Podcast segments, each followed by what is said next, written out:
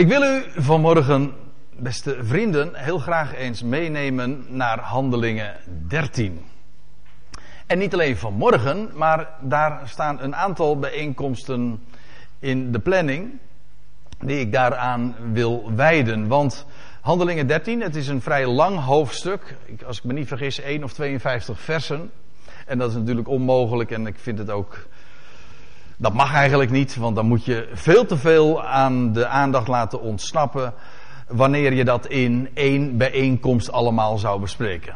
Dus ik heb gedacht, wat doen we? We gaan een aantal samenkomsten Handelingen 13 eens bespreken. Handelingen 13 is een heel markant hoofdstuk in het eh, boek Handelingen.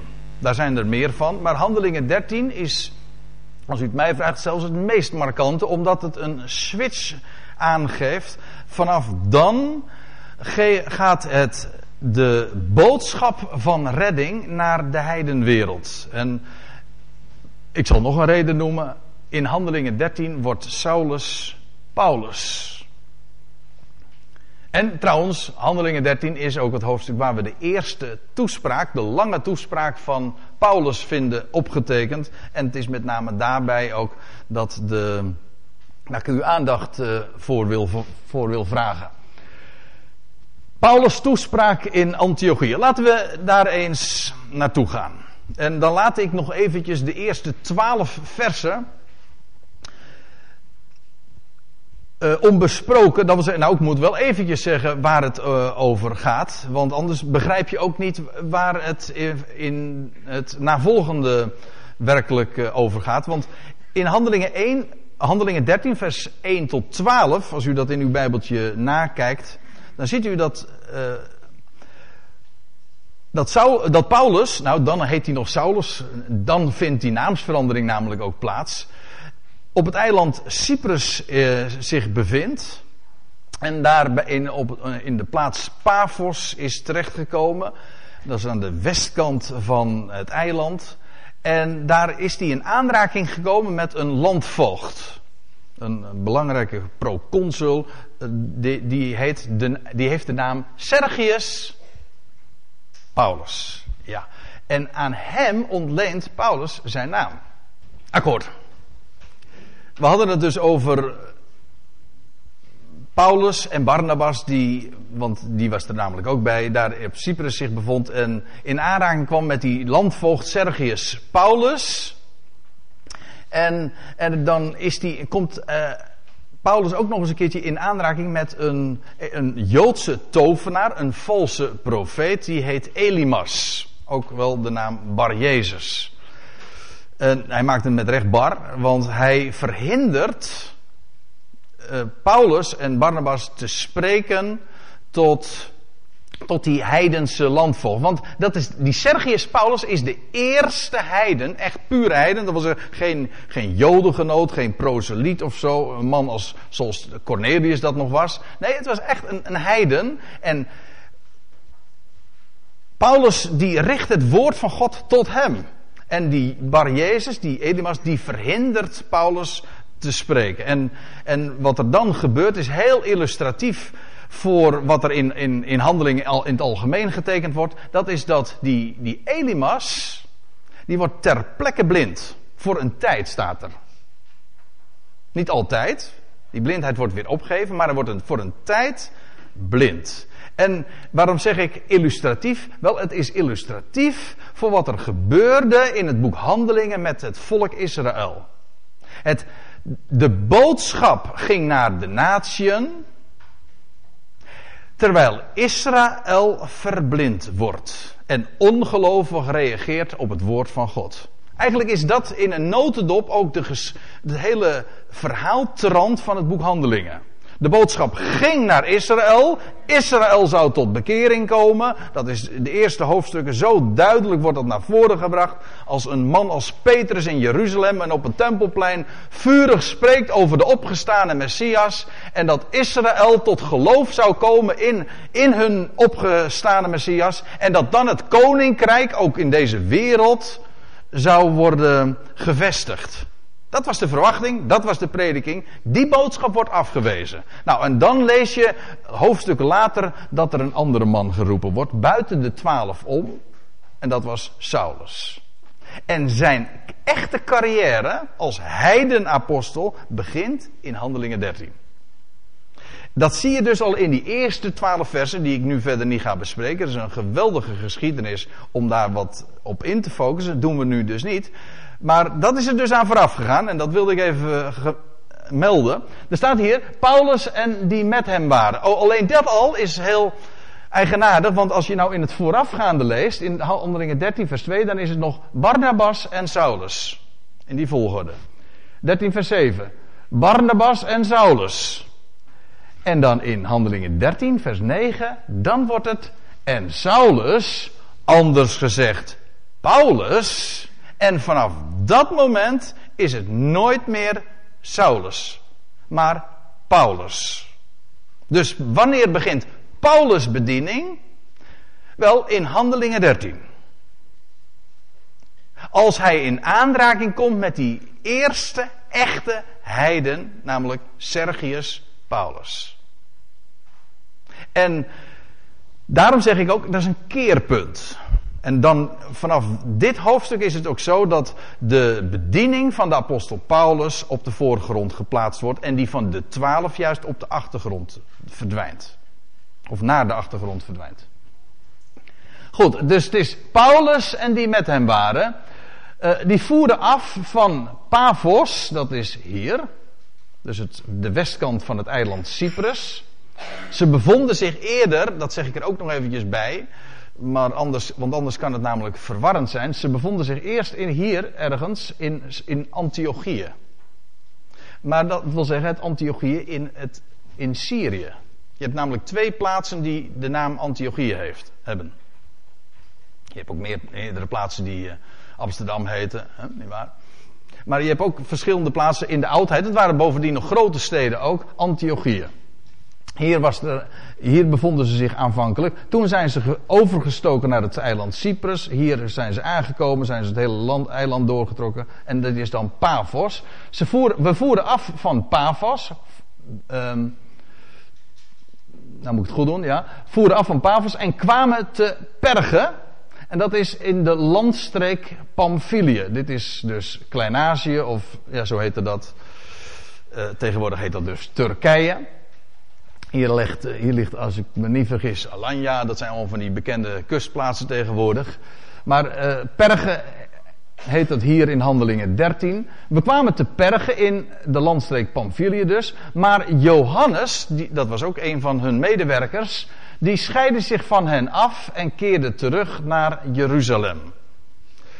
Ja, dat is wat daar aan vooraf gegaan is en waarom dat was, dat is niet helemaal duidelijk. Maar het is in elk geval wel zo dat Paulus, en dat blijkt later in de geschiedenis, hem om die reden ook niet geschikt achtte om verder met hem nog samen te werken. En dat heeft nog zelfs de aanleiding, is de aanleiding geworden tot een, een verwijdering tussen, de, tussen Paulus en die Barnabas. Je leest in Handelingen 15, dat is wel goed om dat dan even te lezen. En dat is dus een paar hoofdstukken later inmiddels. En dan zijn ze in Jeruzalem geweest. En dan staat er. En Barnabas die wilde ook Johannes, genaamd Marcus, meenemen. En dan staat er in vers 38. Maar Paulus bleef van oordeel dat men niet iemand bij zich moest hebben. die hen naar Pamphylië had verlaten. en zich niet met hen tot het werk had begeven. Dat zijn de summiere woorden die hieraan gewijd worden. Van, van deze Johannes Marcus, die jonge medewerker, weten we dat hij ook uit. Hij kwam uit Jeruzalem, en daarom keerde hij ook weer terug naar Jeruzalem. En had hij moeite met de bediening van de apostel Paulus, die zich nu uh, ging wenden tot de heidenwereld? Het zou zomaar kunnen. In elk geval, eh, voor Paulus was hij om die reden niet meer capabel en gekwalificeerd voor het belangrijke werk waarvoor hij geroepen was. Barnabas dacht daar anders over. En dan lees je ook, en er ontstond een verbittering. Dus broedertwist is niet iets van vandaag, dat, maar dat wist u natuurlijk al. Maar het is toch wel opmerkelijk dat je twee zulke geweldige godsmannen hier aantreft. En die worden geschilderd precies zoals de mens is. Namelijk, hoe zullen we zeggen? Zwak, eigenwijs. Ja, wie, waarbij we in het midden laten wie er hier eigenwijs is. Ik heb de neiging om Paulus hier gelijk te geven. Maar zo wordt het ook in, uh, tussen de regels door hier ook beschreven als ik uh, de, de toon goed opvang. In elk geval, er ontstond een verbittering tussen die beiden, zodat zij uiteengingen en Barnabas met Marcus en uh, naar Cyprus weer voer, waar ze ooit al eerder ook waren dus. Dus uh, de samenwerking tussen Paulus en Barnabas hield hier op. Uh, dat is overigens, heeft niet betekend dat het nooit meer goed is gekomen. Van Johannes Marcus lezen we later zelfs dat, dat Paulus de, de grootste achting, met de grootste achting over hem spreekt. In, het, in de brief aan de Colossense. Maar later zelfs in zijn laatste brief zegt 2 Timotheus, zegt de apostel Paulus, Marcus, Johannes Marcus, die is mij van veel nut voor de dienst. Dus het is weer helemaal goed gekomen. Maar op dit moment was, hing de vlag er dus zo bij. Er ontstond daarom dus een verbittering. In elk geval, uh, Johannes scheidde zich van uh, Paulus en Barnabas af en hij ging, die Johannes Marcus, terug naar Jeruzalem. En dan staat er in vers 14, doch zelf gingen zij, dat zijn dus Paulus en Barnabas, van Perge verder, dat is Perge lag hier dus, verder en kwamen te Antiochië. Dat is die andere plaats. Antiochië in Pisidië. Dat moet je er dan inderdaad bij vermelden. Want omdat er eh, nu eenmaal twee van zulke plaatsen waren met diezelfde naam. En op de Sabbatdag in de synagoge gegaan zijnde namen zij plaats. Dat vind je iedere keer weer. Paulus was de, de heidenapostel. Maar wat je in het boek Handelingen heel duidelijk ook iedere keer geaccentueerd ziet. Is dat Paulus naar de synagoge ging. In de eerste plaats. Hij had namelijk ook een boodschap voor Israël. Niet meer de boodschap die Petrus ooit had. Namelijk dat als, jullie tot bekering komen, dan zal de Messias terugkeren en zijn koninkrijk gevestigd worden. Nee, hij had nu de boodschap aan Israël. De Messias is gekomen. Maar het heil is door ongeloof naar de heidenen gegaan. En dat is wat hij in de synagoge hen ook aanzegt. En u begrijpt dat als je met zo'n boodschap dan onder je Joodse broeders en vrienden komt, op alle, eh, telkens weer op weer nieuwe plaatsen, dat dat niet even aangenaam voorkomt. Hij, hij, sprak hen van de Messias, waar zij helemaal geen weet van hadden. Hij vertelde hen dat de God zijn belofte heeft vervuld en dat de Messias inmiddels is gekomen, Jezus Christus, en dat hij degene is van wie de schriften spraken. We zullen dat ook in deze toespraak zien. Maar hij wijst hen er ook op dat de boodschap van Israël is afgenomen. In die zin als natie. De, de, we vinden geen, geen verwachting meer van het koninkrijk dat nu nabij is en binnenkort gaat aanbreken. We zullen dat zelf in de, de rest van deze toespraak ook nog zien, dat is pas, pas later. In elk geval, Paulus is daar dus in de synagoge en hij zet zich daar neer. En dan vers 15, want we gaan gewoon maar even door, hè, want je komt niet zomaar bij vers 52. En na de voorlezing van de wet van de Torah en de profeten, de wet en de profeten, dat is de standaardnaam voor wat wij het Oude Testament noemen, de Tenach, zeggen, spreken de Joden over van. De Tenach. Na de voorlezing dus van passages uit de Torah en de profeten, lieten de oversten van de synagoge hun vragen. Mannenbroeders, indien gij een woord van opwekking voor het volk hebt, spreek het dan. Het waren vreemdelingen, gasten en zo ging dat. Er was vrijheid van spreken, een open podium. En ja, zo ging dat daar in de, in de synagoge. Je had daar. Uh, een dienaar in de synagoge. Die zorgde bijvoorbeeld dat de rol van de een naar de ander ging. Maar daar waren ook oversten. Mensen die de leiding hadden en er zorg voor moesten dragen dat het allemaal in goede orde geschiedde. En Paulus en Barnabas krijgen, worden hier dus in de gelegenheid gesteld om een woord te spreken. Tot een woord van opwekking voor het volk. Elders wordt dit woord, wat hier wordt weergegeven met opwekking, wordt het vertaald met vermaning. Parakaleo. Maar dat betekent eigenlijk, het is niet vermanen. Opwekking is ook niet altijd het idee, het is aanmoedigen, bemoedigen. Opwekking komt er dus wel heel dichtbij.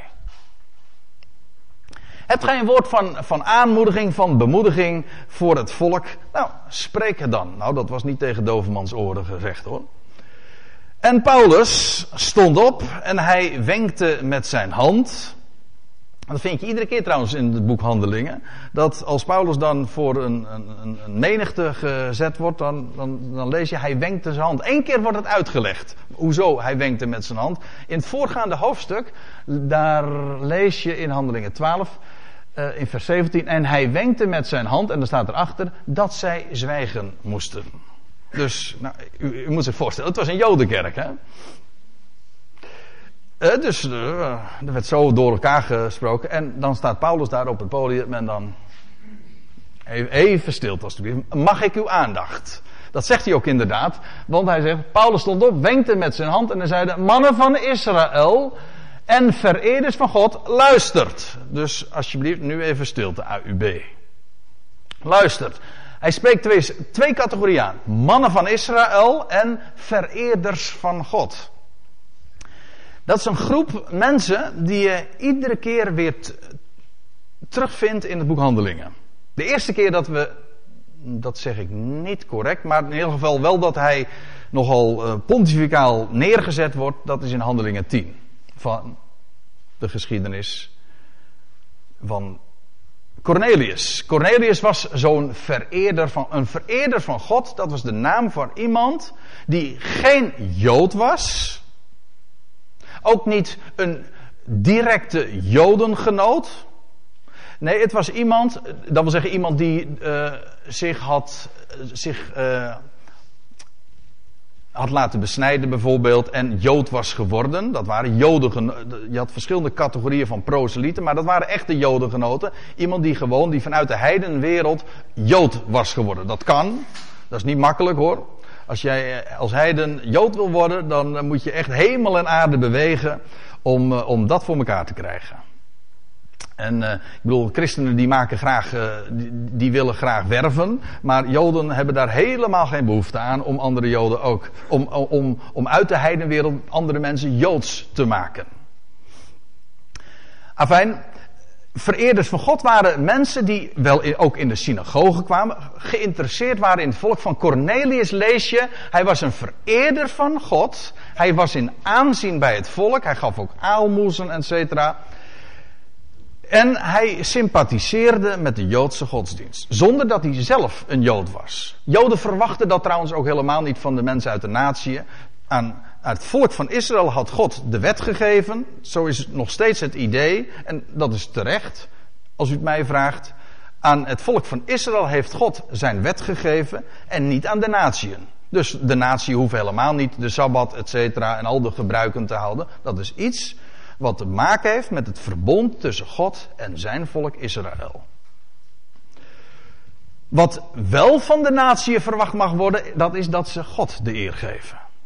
En Cornelius was zo iemand. En overal, want u moet zich realiseren, Israël was toen al in die dagen voor een groot gedeelte verstrooid onder de natie. Er was nog, al een er was nog steeds in die dagen een Joodse staat, dat wel, natuurlijk. Maar voor een groot gedeelte waren de Joden inmiddels al verstrooid onder de, onder de volkeren.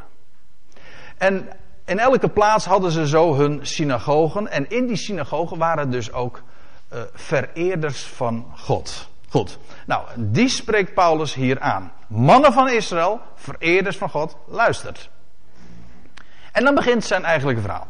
De God van dit volk Israël. Dat is een heel mooi begin. Waarom?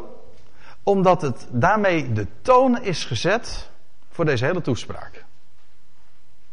De God van dit volk Israël. En als u nu nagaat, we zullen het nu vanzelf ook zien, maar als u eh, dat eh, thuis een papier pakt en het eventjes allemaal puntsgewijs neerschrijft, dan zult u zien dat, dat Paulus hier aanvangt met zeven dingen te noemen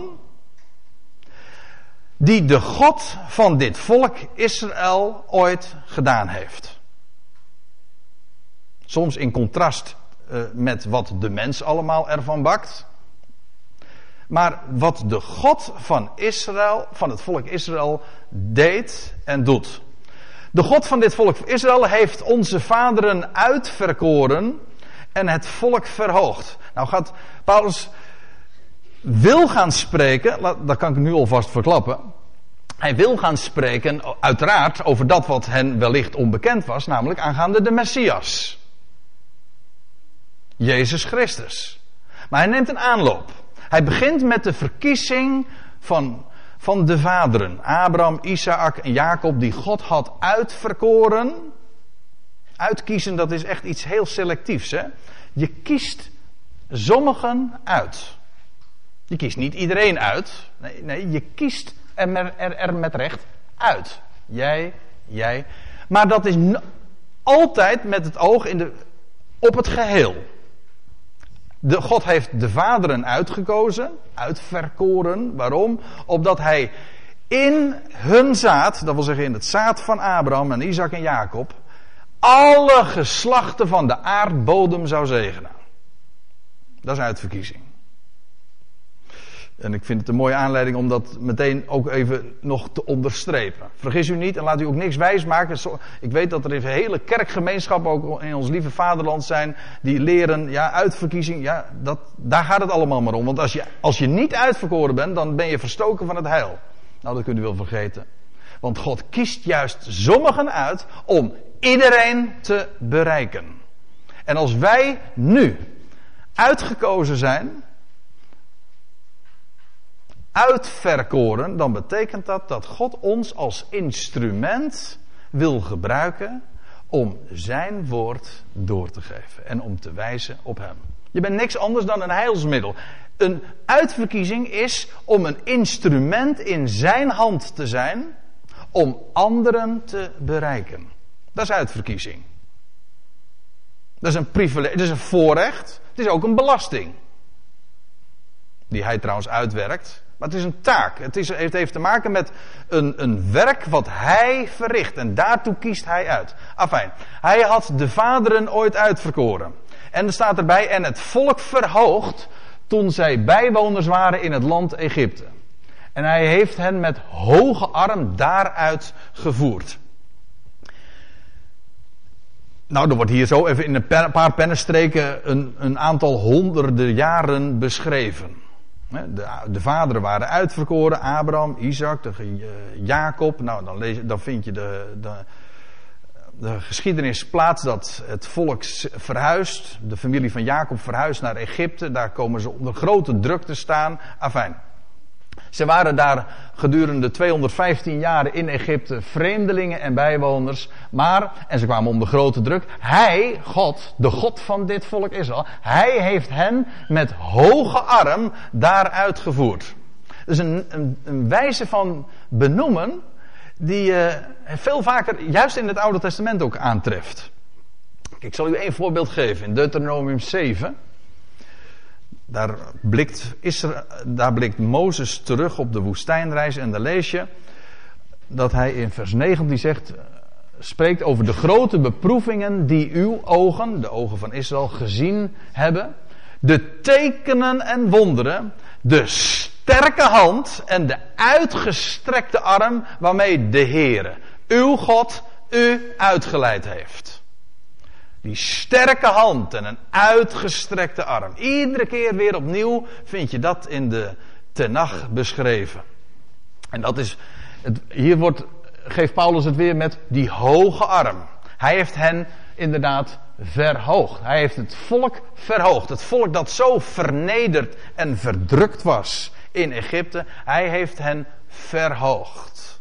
En hen uitgeleid kolossale tekenen en wonderen. Afijn, dat is een van de, hoge, de, een van de hoogtepunten in de geschiedenis van Israël, wat God toen heeft verricht. Hij heeft hen met hoge arm daar uitgevoerd en staat er, hij heeft gedurende een tijd van omstreeks 40 jaren in de woestijn hun eigenaardigheden verdragen. Vind ik mooi geformuleerd. Een, een, omstreeks 40 jaar, dat is vrij precies trouwens. Want in principe had die periode twee jaar geduurd. Maar u weet wat er gebeurde. Israël geloofde niet en wilde niet ingaan. Ze waren bang om in te gaan. En toen zei God van oké, dan laat ik dit geslacht, dit hele geslacht, gewoon in de woestijn. En pas de volgende generatie zal het land binnentrekken. Dus 40 jaar later. Maar gedurende die woestijnreis heeft God hun eigenaardigheden verdragen. Als je, een sta, als je een, de Concordant Version leest, vind ik eerlijk gezegd een mooie. Daar lees je, he carries them as a nurse. Hij, hij droeg hen als een, als een verzorger, als een verpleger. En dat is, lees het boek Deuteronomium maar op na. Als, als een terugblik gegeven wordt op die hele woestijnreis, dan is dat precies de wijze waarop God met zijn volk omging. Hij droeg hen als op arensvleugelen, lees je. En aan het einde van de geschiedenis, dan staat er zo mooi, vind ik altijd heel treffend geformuleerd, dat Mozes dan zegt van, jullie, aan jullie uh, heeft er nooit iets ontbroken. God gaf jullie altijd water uit de rots. Ook als jullie dachten van, oh, gaat, gaat helemaal mis, denken mensen, hè? het gaat helemaal mis. En God zorgde voor hen. Zodat zelfs hun voedsel na 40 jaar, de, de, de, de zolen van een, een schoenen, dan moet ik het goed zeggen, niet gesleten was. Ja, zo was het. Hoe kan dat? U zegt, ja, dat, dat kan toch niet? Ik zeg, nee, dat kan ook niet, maar God het heeft wel zo gedaan. God heeft hen gedragen, heeft hen verzorgd. En hun inderdaad hun eigenaardigheden verdragen. Dat zit er ook in.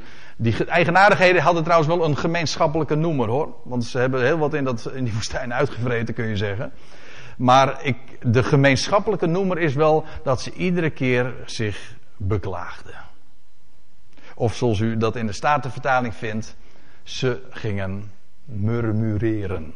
Dat klinkt heel deftig, maar dat betekent gewoon mopperen, zaniken, zeuren.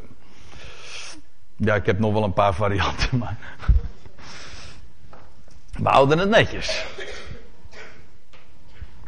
En dat valt niet mee hoor, om daar altijd maar mee te leven. Je leest ergens in, je leest in het boek Spreuken een aantal keren. Het is beter te wonen op het hoek van het dak dan met een zeurende vrouw in een gemeenschappelijke woning. Ja, er staat in de MBG-vertaling een twistzieke, maar het is eigenlijk een zeurende vrouw. Mannen kunnen trouwens ook zeuren hoor. Even voor de goede orde. Ja, dat kan ook. maar zeuren, dat is niet alleen een hele onhe het is niet alleen onhebbelijkheid voor, voor anderen, maar het, uh, het ergste is het trouwens voor de persoon zelf nog. Want wat gebeurt er als je moppert? Dan word je depressief. Beklagen. Jezelf beklagen. Je bent zielig. Je denkt dat het niet goed gaat, et cetera. Zelfbeklag. En je komt daarin, dat is vaak een hele neerwaartse spiraal. En het wordt donker en je ziet het niet meer zitten, et cetera. En daartegenover staat de God van dat volk Israël, die zegt, en ook tevoren gegarandeerd had, en ook woord gehouden heeft, het zal jullie nooit aan iets ontbreken. Ook al gaan jullie soms door een dal, ook al is het soms donker, ook al denk je, hoe moet dat nu verder? Ik zorg voor je. Dat is, dat is geloof.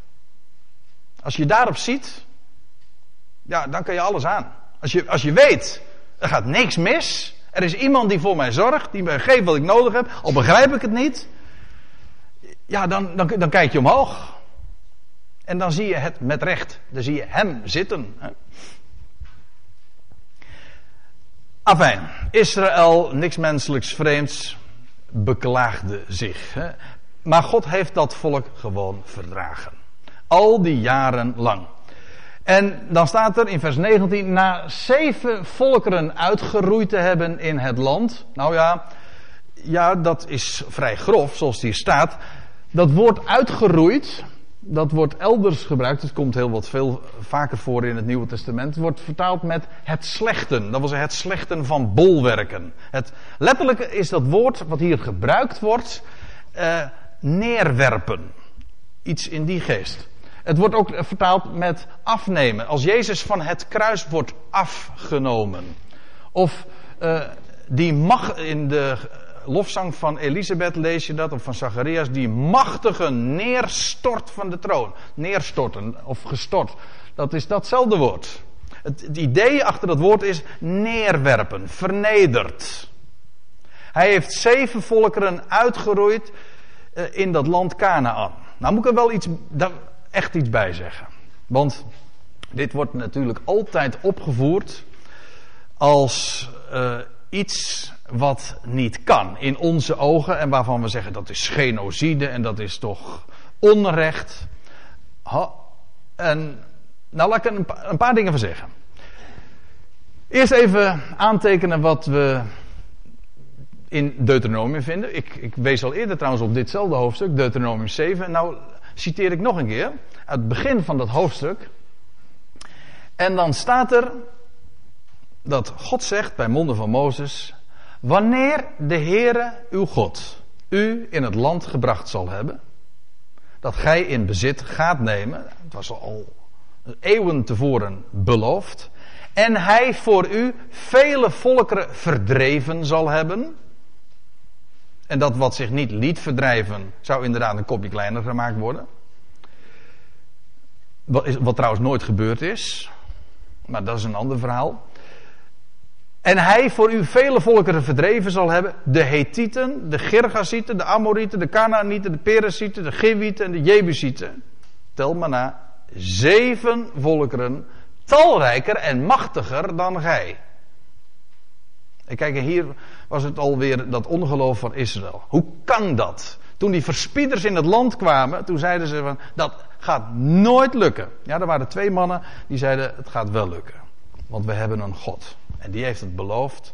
En zo is het. Maar het waren volkeren groter, machtiger dan Israël. En God had beloofd: ik geef het land aan jullie. En ik verdrijf die volkeren gewoon voor jullie weg. En dat is ook gebeurd. Dat uitroeien, dat is uh, niet helemaal gebeurd. Dat wil zeggen, uh, zou, Israël zou daar exclusief wonen. Maar nou komt nogmaals die vraag, maar is dat dan geen volkerenmoord? Hoort dat niet berecht te worden daar in het Haagse gerechtshof? Nou moet ik in de eerste plaats zeggen, we leven nou natuurlijk wel enige duizend jaren later. Andere tijden, andere standaards. Maar ik moet er het allerbelangrijkste daarbij nog zeggen, en dat is dit. En dan gaan we terug naar Genesis 15. Ik, ik ga hier nu even dieper op in, omdat dit nogal eens een keertje door bijbelcritici wordt opgevoerd als als iets wat, wat toch niet kan, wat onrecht is in de Bijbel en dat God zou hebben gelegitimeerd. En het is goed dan te weten van, ja, hoe zit de vork nou werkelijk aan de steel? Nou, dat zit zo. In Genesis 15 wordt tegen Abraham al gezegd, die zich dan inderdaad al in het land Israël bevindt, maar als vreemdeling. En dan wordt er gezegd, door God zelf, weet voorzeker dat uw nakomelingen vreemdelingen zullen zijn in een land dat het hunne niet is. Hij doelt nu op zijn nakomelingen die naar Egypte zouden verhuizen. Honderden jaren lang hebben ze daar in Egypte verbleven. Ze zullen zijn in een land dat het hunne niet is en dat zij, en dat zij hen dienen zullen en dat, zij, dat die hen zullen verdrukken. 400 jaar in totaal. Die, die verdrukking begint eigenlijk al trouwens wanneer bij de, bij de speling van Isaac. Als Isaac vervolgd wordt door Ismaël. Die hele periode duurt letterlijk trouwens 400 jaar. En dan lees je een paar versen verder, in vers 16. Maar dat, is nog steeds de belofte van God. Het vierde geslacht, dat wil zeggen de vierde generatie, echter zal hierheen terugkeren, wederkeren. Waarom? Waarom pas de vierde generatie? Waarom heeft God niet gewoon gezegd van nou, uh, Abraham, dit, dit volk is, dit land is voor jou en van jou. Neem het maar in bezit en straks uh, uh, is het gewoon voor jou en jouw nageslacht. Waarom heeft het volk eerst nog honderden jaren in Egypte verbleven? Waarom hebben ze, zijn ze daar nog zelfs zo zwaar verdrukt? Waarom heeft God dat allemaal laten gebeuren? Nou, hier wordt het antwoord gegeven. Het vierde geslacht echter zal hierheen wederkeren, want eerder is de maat van de ongerechtigheid, de Amorieten, niet vol. De Amorieten is vaak ook een verzamelnaam voor al die volkeren die daar in Canaan verblijf hielden. Dus het volk Israël, het, het, het, het, huis van Abraham en Isaac en Jacob, dat moet eerst nog honderden jaren elders verblijven. Waarom? Omdat God het, die, dat, de inwoners van Canaan wilde oordelen. Maar pas wanneer de maat vol zou zijn. Wat daar gebeurde in Canaan, dat tart elke beschrijving. We vinden daar een paar aanwijzingen van in de, in de Bijbel. Maar de afgoderij en de hoererij, de perversie, die waren daar tot een dieptepunt gedaald. Maar God greep pas in, niet meteen, maar pas wanneer de maat van de ongerechtigheid vol zou zijn. En ten gunste daarvan wordt Israël ook elders uh, gestuurd. Dat wil zeggen naar het land Egypte. En pas de vierde generatie zou terugkeren. Het is belangrijk om dat te weten. Werpt trouwens ook licht op nog een ander woord. Dat, dat velen elke zondag horen. In de tien woorden die de, het dominee dan voorleest. Aan een volk waar hij het helemaal niet aan voor zou lezen, als u het mij vraagt. De wet van Mozes. Maar dan staat er ergens in die tien woorden. Die de ongerechtigheid der vaderen bezoekt aan de kinderen.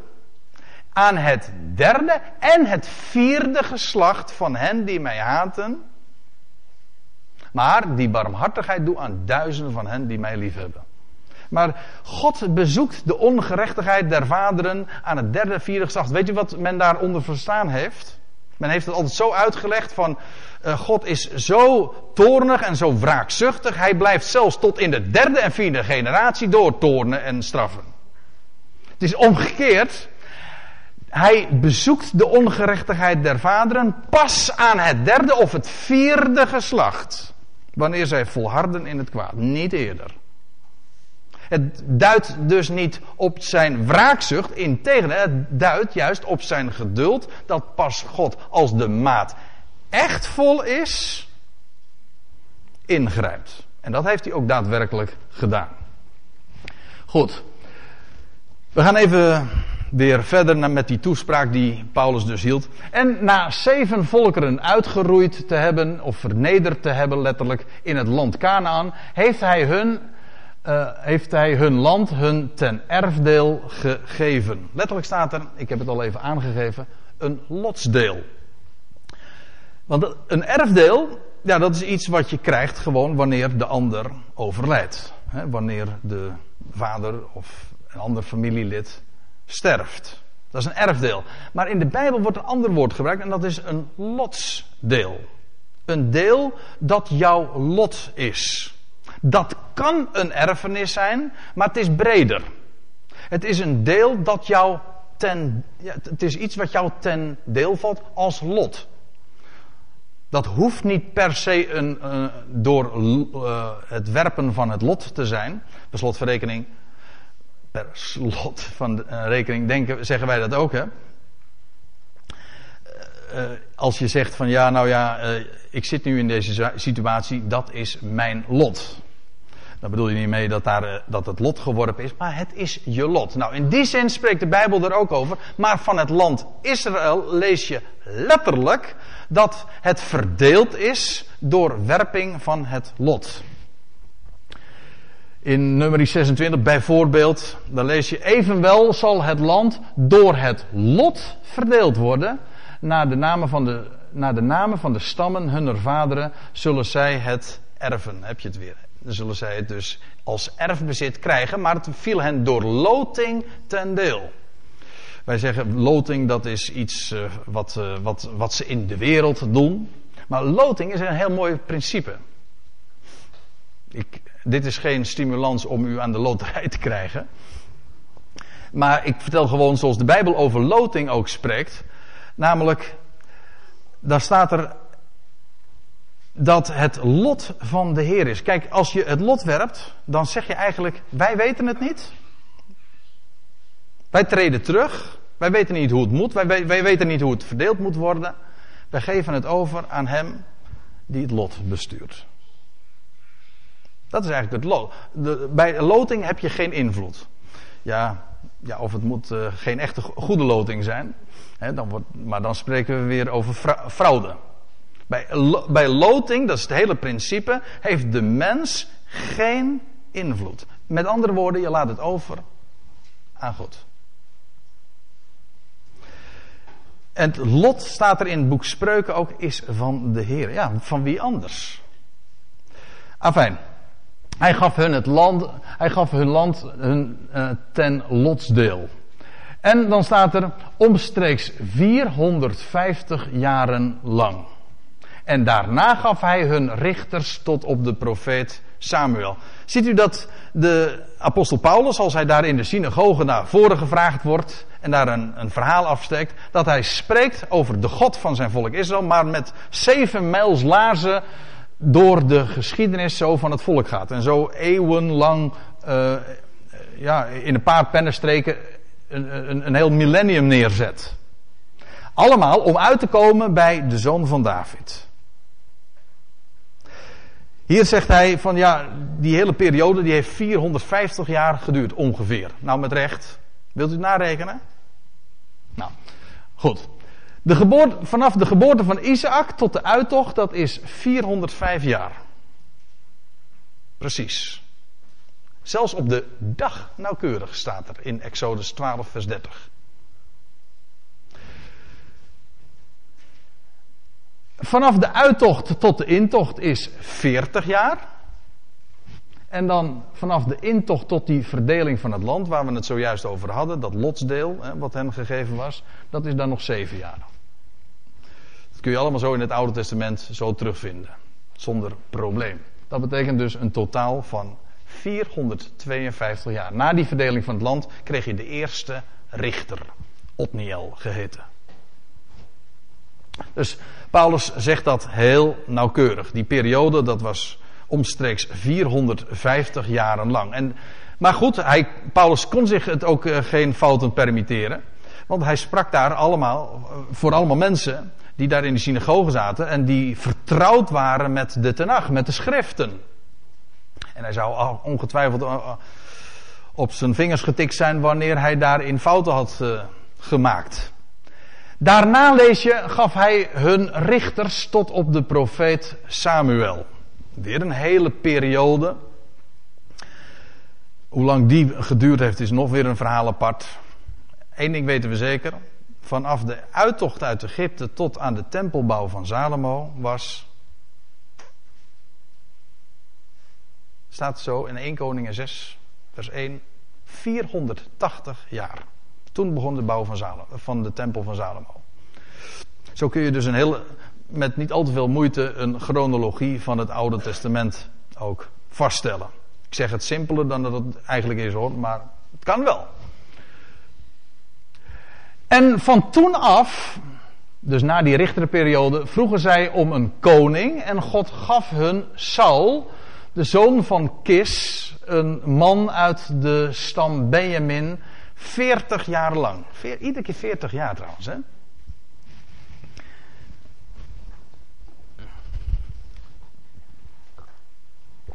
Ja, ik loop niet alleen op batterijen, maar ook een beetje op water.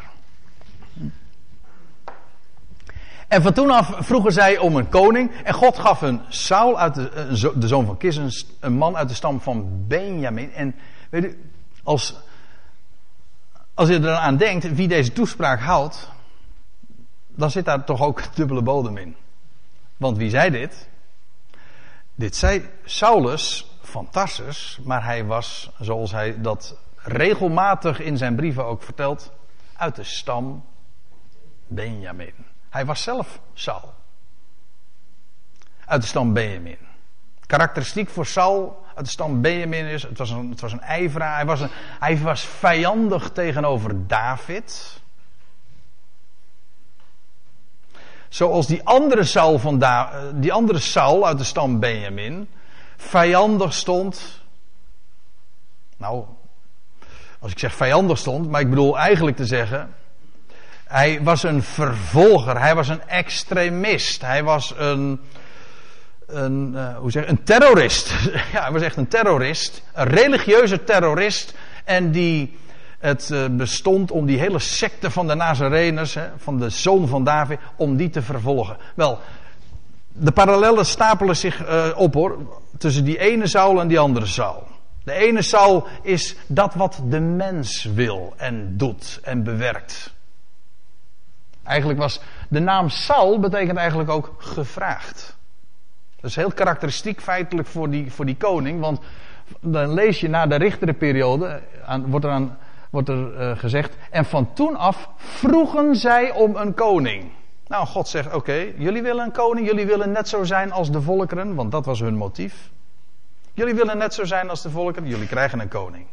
Gevraagd, Saul. Uit de stam van Benjamin en 40 jaar lang. Maar het was geen blijvertje. Want het was namelijk van de, op het menselijk initiatief waaraan God gehoor had gegeven. Maar waarvan hij op voorhand al had gezegd en zelfs geïllustreerd. Dat is niet mijn keuze. Dit is jullie keuze. Weet u waar dat ook uit blijkt? Ik, ik zal het heel subtiel aangeven. Hij wordt gezalfd met een. Ja, misschien zie je het niet zo heel goed op dit plaatje. Maar het staat er echt bij. Hij werd gezalfd met een kruik. Een aardevat. Een beeld van vergankelijkheid. Wat voorbij gaat. Na Saul krijg je David. En nadat hij deze verworpen had, dat wil zeggen Saul, verwekte hij hun David, letterlijk staat er tot koning, wie hij ook dit getuigenis gaf. Ik heb David, de zoon van Isaï, Ischai, dat wil zeggen de Heere, Yahweh, leeft, gevonden een man naar mijn hart. En die al mijn wil zal volbrengen, staat er letterlijk. Dat is de man van mijn keuze. Die andere was jullie keuze, de keuze van het volk Israël. Maar let even op, want ik, ik gaf al even aan. Dit was een kruik. Hij werd gezalfd met een hoorn. Een hoorn, dat wil zeggen een ramshoorn. Een beeld van koningschap in de Bijbel. Het ene is een beeld van vergankelijkheid, een aardevat. Het andere is een beeld van de koning. Hoe, zeg, hoe vaak staat er niet in de psalmen? Gij hebt mij een horen, of gij hebt ons, Israël, een horen verhoogd. Dat wil zeggen, een koning gegeven, een koning gesteld. Dat is die horen. In het boek Openbaring, de tien horens, dat zijn tien koningen. Dat is een hoorn. Afijn. In de wijze waarop beiden gezalfd werden, lag al geïllustreerd hoe God erover dacht. Het ene was voorbijgaand, het andere was wat hij voor ogen had. Het was de man van zijn keuze, een man naar mijn hart, die mijn wil zal volbrengen.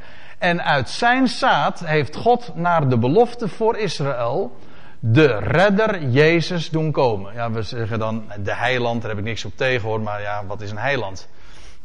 Dat weten we niet meer. Het is gewoon het woord redder. Hij heeft de, uit het zaad van David. En nu is Paulus aangekomen waar hij wezen wilde. Hij ging snel door de geschiedenis van Israël, wat de God van Israël allemaal deed. Maar waarom? Hij wilde aankomen bij de koning van Gods keuze en waarvan God had gezegd, hij is degene en uit wiens zaad, uit wiens nageslacht ik de Messias zal geven. Was trouwens ook al ver van tevoren al aangegeven. En hij zou ook geboren worden in de plaats van David, in de, in de geboortestad van David, Bethlehem, etc. Daar viel Gods oog op. Dat was de man van zijn, naar zijn hart. Waarom? Omdat uit hem de Messias zou voortkomen. En over hem wilde Paulus daar in die synagoge spreken. Over de redder Jezus. En, maar hij vervolgt dan, nadat Johannes eerst voor zijn, uh, voor zijn optreden, dat wil zeggen voor het optreden van, van Jezus, aan het hele volk Israël een doop van bekering gepredikt had. Even in zijn verband. Dus God die gaf naar zijn belofte, het was namelijk aangekondigd in de schriften, hij had het wijze heeft hij dat tevoren gezegd, dat de Messias zou komen, de redder. En, maar voordat hij optrad, kwam er nog iemand anders, een ene Johannes die aan het hele volk Israël een doop van bekering gepredikt had. Dat is heel typerend. Die doop die Johannes predikte, en hij, nou het was, het trok heel veel aandacht. Hij was daar in de Jordaan en hij doopte en hij zei van, na mij komt iemand om wie, om wie het allemaal draait. Ik zal het straks ook laten zien in het volgende vers. En het volk zou daarop voorbereid worden. Het volk wist ook, nu zou het moeten gaan gebeuren. De tijd was er toen ook rijp. Het was de volheid van de tijd. God had ook aangegeven dat het in die generatie zou gebeuren dat de Messias zou komen. En Johannes is de wegbereider. Degene die hem aankondigt en het volk al daarvoor prepareert en daarvoor hen ook in de Jordaan doopt. Onderdompelt. Ook een beeld van dood en opstanding. En ook in de Jordaan. Nou ja, dat is allemaal, eh, allemaal heel typerend en illustratief. Maar aan het hele volk Israël. Ziet u trouwens ook dat de boodschap hier nog puur gericht is aan het volk van Israël. En ook de doop die waterdoop heeft alles te maken met het volk van Israël. Ik zeg het er nog maar eens even bij, want ik weet dat ehm, 99,9% van de christenen anders meent. Die, die, die hebben het over de christelijke doop. En dan denken ze aan waterdoop. Waar of niet? Als we het hebben over, uh, ben je gedoopt? Hè? Welke doop bedoel je? Ja, ja uh, waterdoop natuurlijk. Wat denk je dan? Maar de christelijke doop is helemaal niet de waterdoop. Had Johannes ook al gezegd hoor. Johannes die had tegen het volk gezegd: Ik doop jullie in, in water. Maar na mij komt iemand die jullie, die zal dopen, niet specifiek jullie, maar gewoon, die zal dopen in geest en vuur. Dus dat wat hij deed in water was alleen maar een beeld van wat hij zou gaan doen, die na hem zou komen, zijn achterneef, Je Jezus. En die zou hen dopen niet in water, nee in geest. Hen onderdompelen in kracht, in geest, in vuur. En dat is, echt, dat, is, dat is dus de christelijke doop. De doop waarmee Christus doopt, dat is een doop, een geestelijke doop, daar komt geen druppel water bij, te kijken, bij kijken. En de, de waterdoop heeft alles te maken met het volk Israël. Dat is een onderwerp apart, maar ik wil het bij deze dan toch even gezegd hebben. Hij doopt aan het hele volk Israël een doop van bekering. Ja, in Johannes 1 vind je dat ook. Hè? En dat Johannes dat ook van zichzelf zegt. Ik wist, niet, ik wist niet van hem, dat wil zeggen van de Messias, wie hij zou zijn. Maar opdat hij aan Israël zou, aan Israël zou geopenbaard worden, daarom kwam ik dopen in water. Altijd weer die directe link uh, van, tussen doop in water en Israël. Die twee moet je nooit uit elkaar halen. En toen hij, vers 25, zijn loopbaan volbracht had, uh, zeide Johannes: Wat gij meent dat ik ben, ben ik niet.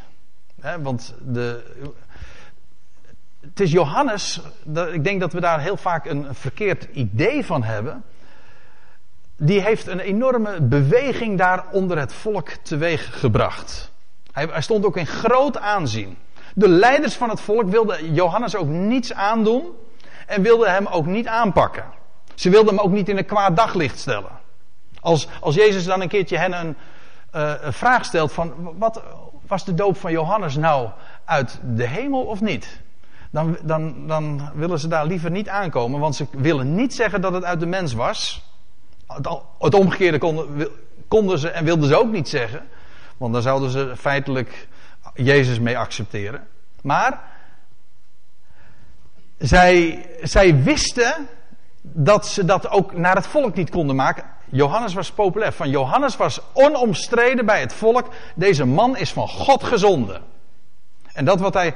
En, de, de doop van bekering die Johannes had gepredikt, die was zelfs ook in de Joodse gemeenschappen in het buitenland eh, bekend geworden. Ook dat blijkt uit het boek Handelingen. Afijn, Johannes die zegt, wat gij meent dat ik ben, ik ben het niet hoor. Eh, velen hebben misschien stiekem gedacht van, is hij dan de Messias? Nee, maar zie. Hij kon, hij kon hem op, bij gelegenheid zelfs aanwijzen, want bij gelegenheid kwam, Johannes, kwam Jezus zelfs daar bij de Jordaan en liet zichzelf dopen daar door Johannes. Maar zie, na mij komt hij, wie ik niet waardig ben, het schoeisel van zijn voeten los te maken. Het meest nederige wat je kunt doen, met, met recht, hè, want je moet bukken. Zelfs maar je schoenen losmaken. Hij zegt zelfs, ik ben niet eens waardig om dat bij hem te doen. Het gaat niet om mij, hij zegt, ik wijs op hem. Zie het lam gods. Zegt hij dan als hij op een, eh, op, op een goede dag Jezus inderdaad ziet aankomen. Zie het lam gods dat de zonde van de wereld wegneemt. Nou, en dan vers 26. Mannenbroeders, zonen van het geslacht van Abraham en vereerders van God. Tot ons is deze heilsboodschap gezonden. Dat wil zeggen, dit woord van deze redding. Want die te Jeruzalem wonen en hun overste hebben hem niet erkend. En zij hebben de uitspraken van de profeten, die elke sabbat worden voorgelezen, door hun oordeel vervuld. Nou, ik wil het. Bij, bij dit laatste vers wil ik dit nu eh, even houden. De, de volgende keer gaan we verder, want ik, ik zie dat we gewoon de, de tijd het niet toelaat om nog, nog verder te gaan. Maar ik wil wel even alvast erop wijzen, en daar pakken we dan de volgende keer gewoon weer de draad op. Hier brengt Paulus naar voren, daar in die synagoge in Antiochië, het volk heeft hem niet gekend. Hij is aangekondigd door Johannes. En toen hij kwam, en toen hij ook kon aantonen wie hij was, het volk heeft hem niet gekend. Ze hebben hem niet gekend, letterlijk staat er, onbekend met hem en de stemmen der profeten. Ze wisten er niet, ze begrepen niet wie hij was. Moet u nagaan. Dag, of, ja, dagelijks waren ze bezig met de Tenach. Sabbat aan sabbat zaten ze in de, in de synagoge. Ze hoorden de woorden van de profeten. En toen kwam hij die aangekondigd was en ze hebben hem niet gekend. Hoe blind kun je zijn? We gaan nou niks verwijten hoor. Niks verwijten aan het adres van, van Israël toen, want het is vandaag niet anders. Zij die het zouden moeten weten, want het staat toch allemaal duidelijk geschreven, kennen de heilsboodschap dikwijls niet. Maar staat er, uh, ze hebben hem door hun Onwetend hebben ze de woorden van de profeten vervuld en ze hebben hem aan een hout genageld. Waarmee Paulus ook aanzegt, het, is, het volk Israël heeft hem niet gekend. Hij gaat dat straks ook nog eh, nader aantonen. Ook naderhand, ook na zijn opstanding hebben ze hem niet gekend. Maar deze boodschap, dat is wat eh, Paulus aan die mensen in Antiochië in de eerste plaats wilde laten weten. Hij die is aangekondigd, hij is gekomen. De levende, de opgestane Messias. Hij is niet gekend door het volk dat hem zou moeten kennen.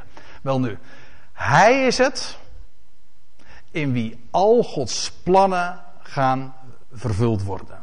En Paulus mocht hem prediken daar onder de, de, de mannen uh, van, van in de synagoge en de mannen en vrouwen, alle mensen daar in de synagoge. Maar Paulus predikte deze man, de opgestane Messias, onder iedereen wie het maar horen wilde, het woord van redding. Namelijk, hij is degene die garant staat voor de vervulling van al Gods beloften en die de wereld gaat redden. En ik stel voor dat we daar over een paar weken inderdaad mee verder gaan. Ik, en nu een lied gaan zingen eh, over dat woord van God dat altijd zich bewijst en de waarheid blijkt te zijn. Bergen zullen wankelen, maar Gods woord houdt stand in de eeuwen.